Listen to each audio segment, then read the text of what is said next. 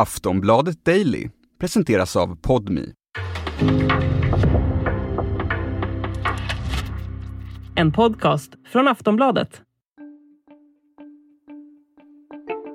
Melodifestivalen 2022 kryper allt närmare. Det är bara två månader kvar tills den första delfinalen äger rum i Malmö. Och nu är det klart vilka som ska delta och tävla om att få åka till Italien och representera Sverige i Rom i Eurovision Song Contest den 14 maj. Och för någon vecka sedan så pratade vi med Aftonbladets expert Tobbe Ek om pusslet att avslöja alla artisterna. Och han berättade då att det var svårare än någonsin att dra loss namn till tävlingen i år. SVT valde i år att avslöja de 28 akterna vid två olika tillfällen, 14 akter åt gången. Men i tisdags kväll så läckte alla deltagare ut, en dag före SVTs schema. Vad var det egentligen som hände? Och pandemin, ja den pågår fortfarande och i nästa vecka kan det komma nya restriktioner från regeringen. Planen är ju att Mello ska ut på en sex veckor lång turné. Men har man en backup-plan om pandemin tar ett nytt grepp om Sverige? Sen undrar jag också, vem är största överraskningen i årets startfält? Det här är Aftonbladet Daily. Jag heter Jenny Ågren. Välkommen hit Tobbe Ek. Tack så mycket. Tobbe, berätta nu. Vilken är den största överraskningen i Mello 2022? Ja, men det är väl att Anders Bagge faktiskt ska tävla som artist. Eh, han har ju berättat om, om sin scenskräck, han har eh, berättat om hur han eh, tackade nej till att sjunga duett med Céline Dion på scenen i Globen för drygt tio år sedan. Eh, och nu ja, nu ska han tävla i Melodifestivalen, Sveriges största tv-program. Eh, den liksom, eh, idoldomaren tar plats som artist. Det är väl ganska häftigt. Något vi visserligen kunde avslöja några dagar i förväg, men det är ju fortfarande den stora, stora överraskningen. Och sen kanske, som den lite mindre, då skulle jag säga Tone Sekelius. Tone kom ju ut som, eh, som transperson tidigare i år. Ett år efter att hon kom ut kommer hon tävla i Melodifestivalen och det tycker jag är både häftigt och roligt för tävlingen. Det är första gången en transperson ställer sig på Melodifestivalens scen eh, och vi fick veta det här samma vecka som eh, Sverige fick sin första transperson i regeringen. Det är fantastiskt. Jätteroligt. Men jag tänker, Anders Bagge var ju med i Masked Singer för de som inte såg det. Var det där liksom som SVT alltså, fick upp ögonen för honom och tänkte att nu Nej, men de, de fick nog inte upp ögonen för honom där, men det var nog snarare det som gjorde att han själv kände att han eh, skulle kunna vara med. Han berättade att hade han inte gjort det innan, hade han liksom inte känt lite på sådana saker, då hade han aldrig ställt upp. Hans eh, manager har liksom pushat honom för att du, vi vill att du ska sjunga, kom igen, ska du inte göra det? Men han har liksom aldrig eh, tagit steget förut. Och det han säger nu är att nej men vi får väl se hur det går, alltså om jag fryser igen, om jag liksom stelnar till och inte klarar av det, nej då kanske det är det sista jag gör. Då kanske jag aldrig ställer mig på scenen igen. Vi snackade ju för några veckor sedan här i Daily, du och jag, om pusslet eh, inför Melodifestivalen att avslöja alla artisterna. Hur gick det med det? Ja, men 22 akter av 28 lyckades vi med i år. Eh, kanske, eh, jag, egentligen skulle jag vilja ha klarat av några till. Eh, vi var ju på gång med Shirley Clamp och det har jag bloggat om också, att det var nära att vi, vi kände till att hon kanske skulle vara med, men vi visste inte om det med säkerhet.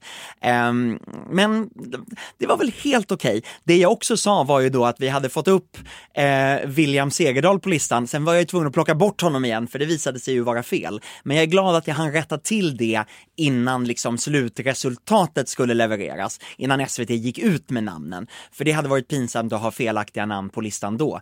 Det har skett tidigare och då skäms jag varje gång. Mm, och William Segerdahl var ju med i Idol för några år sedan, eh, en stor favorit hos många. Vi får väl se om han kommer till Melodifestivalen någon gång. Det kan säkert hända framöver. Mm. Sen var det så här, SVT delade ju upp den här grejen med att presentera artisterna i två delar i år. Eh, det var en för en, några veckor sedan och sen så skulle de ju presentera dem här om dagen också. Men det gick inte så bra. Vad var det som hände? Ja, men Nej, det gick verkligen inte så bra. Eh, därför att eh, SVT bestämde sig i år för att inte ha någon presskonferens. Ibland har de haft två presskonferenser. I år skulle de inte ha något alls. De skickade ut pressmeddelanden istället. Och sen så samtidigt så förberedde de och eh, eh la upp massa saker i sin app eh, som senare skulle publiceras. Men de glömde visst bort att trycka på den här knappen om att det här ska publiceras senare och inte på en gång. Så hela, låt, eh, hela eh, artistlistan, hela låtlistan eh, låg ute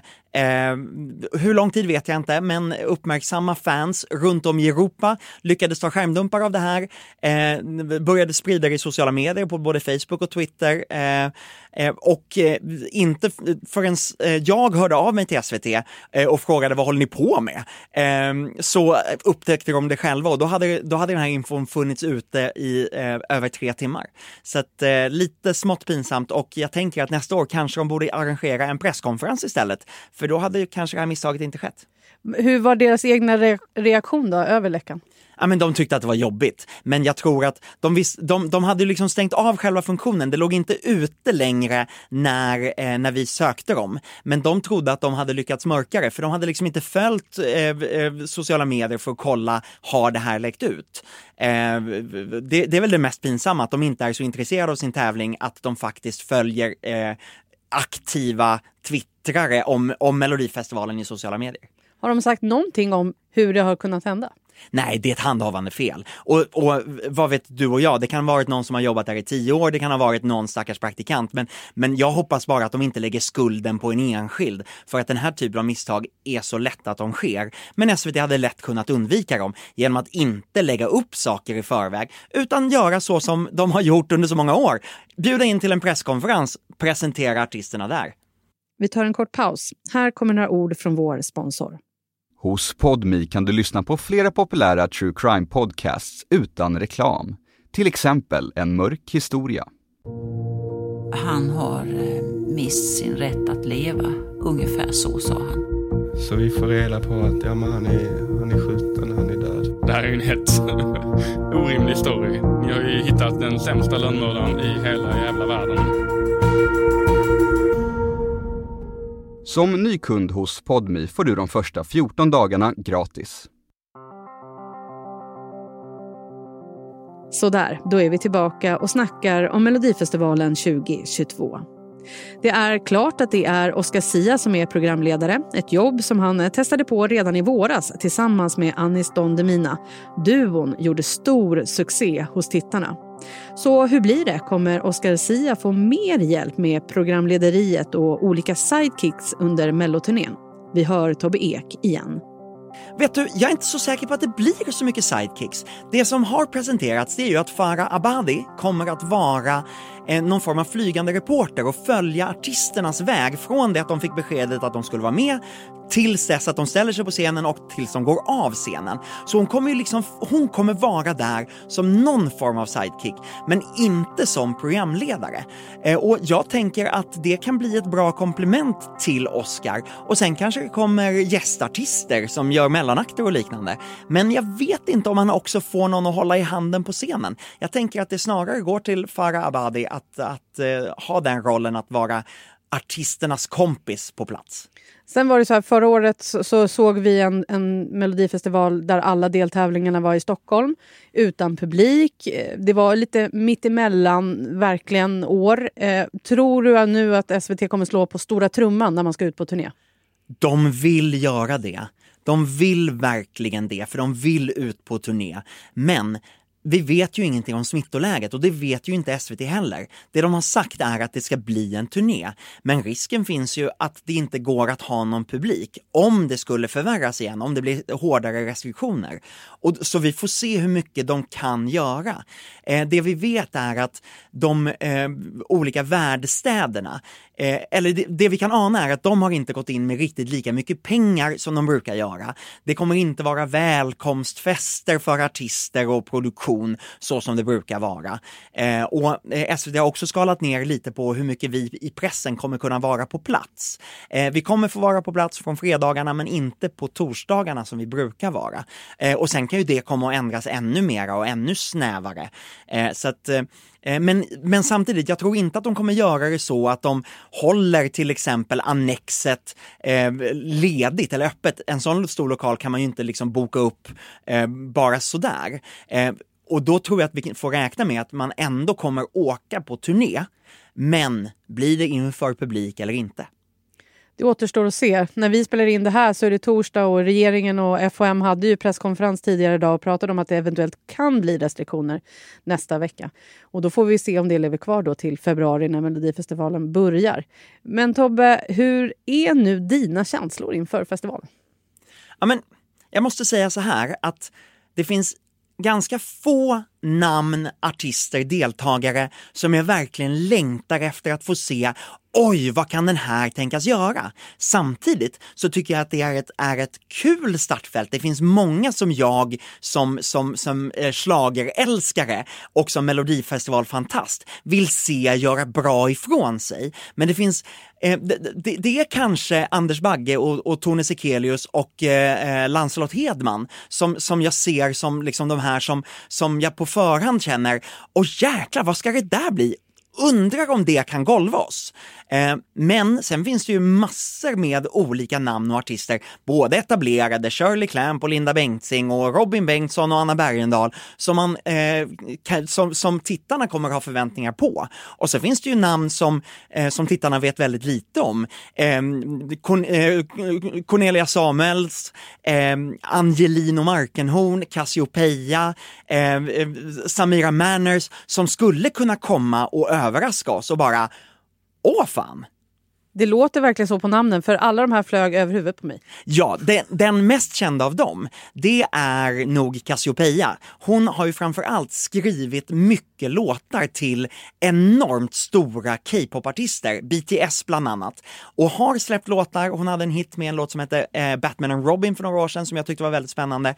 Eh, men eh, eh Cornelia Samuels, Nej, så heter, hon heter ju Cornelia Jacobs. Hon är ja, eh, Jakob Samuels Eh, Jakob Samuels i The Poodles dotter, hon har ju tävlat i Melodifestivalen två gånger förut i Love Generation. Eh, så att även om du inte direkt känner igen det så kommer du kanske känna igen henne när du ser henne på scen. Kommer det bli en folkfest? Det måste det bli! Melodifestivalen ska vara en folkfest och det som hände i, i, för, förra, eller i våras när det inte var någon publik, det var ju att lite av det där tappades. Det försvann, artisterna fick inte samma glöd på scenen, även om det framför tv-rutorna ändå kändes som att det var något ganska bra. Um, så SVT gör ju allt för att det ska gå att få till. Och då får man väl hoppas att det ska räcka med covidpassen för att uh, man ska kunna ha en arena med publik. Tack för idag Tobbe. Tack, tack. Sist här hörde vi Tobbe Ek, reporter på Aftonbladet. Jag heter Jenny Ågren och du har lyssnat på Aftonbladet Daily. Nu passar jag också på att tipsa om podden Schlagerkoll där jag och Tobbe tillsammans med vår kollega Markus Larsson snackar om allt kring Melodifestivalen. Du hittar ett nytt avsnitt av Schlagerkoll under fredagen i din poddspelare. Där nördar vi ner oss ännu mer i ämnet. Nu önskar vi på Aftonbladet Daily en trevlig helg. Vi hörs på måndag igen. Hej då.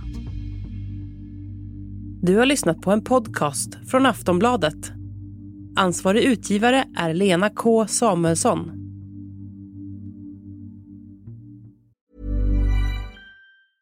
A lot can happen in the next three years. Like a chatbot may be your new best friend. But what won't change? Needing health insurance. United Healthcare Tri Term Medical Plans are available for these changing times Underwritten by Golden Rule Insurance Company, they offer budget-friendly, flexible coverage for people who are in between jobs or missed open enrollment. The plans last nearly three years in some states, with access to a nationwide network of doctors and hospitals. So for whatever tomorrow brings, United Healthcare Tri-Term Medical Plans may be for you. Learn more at uh1.com.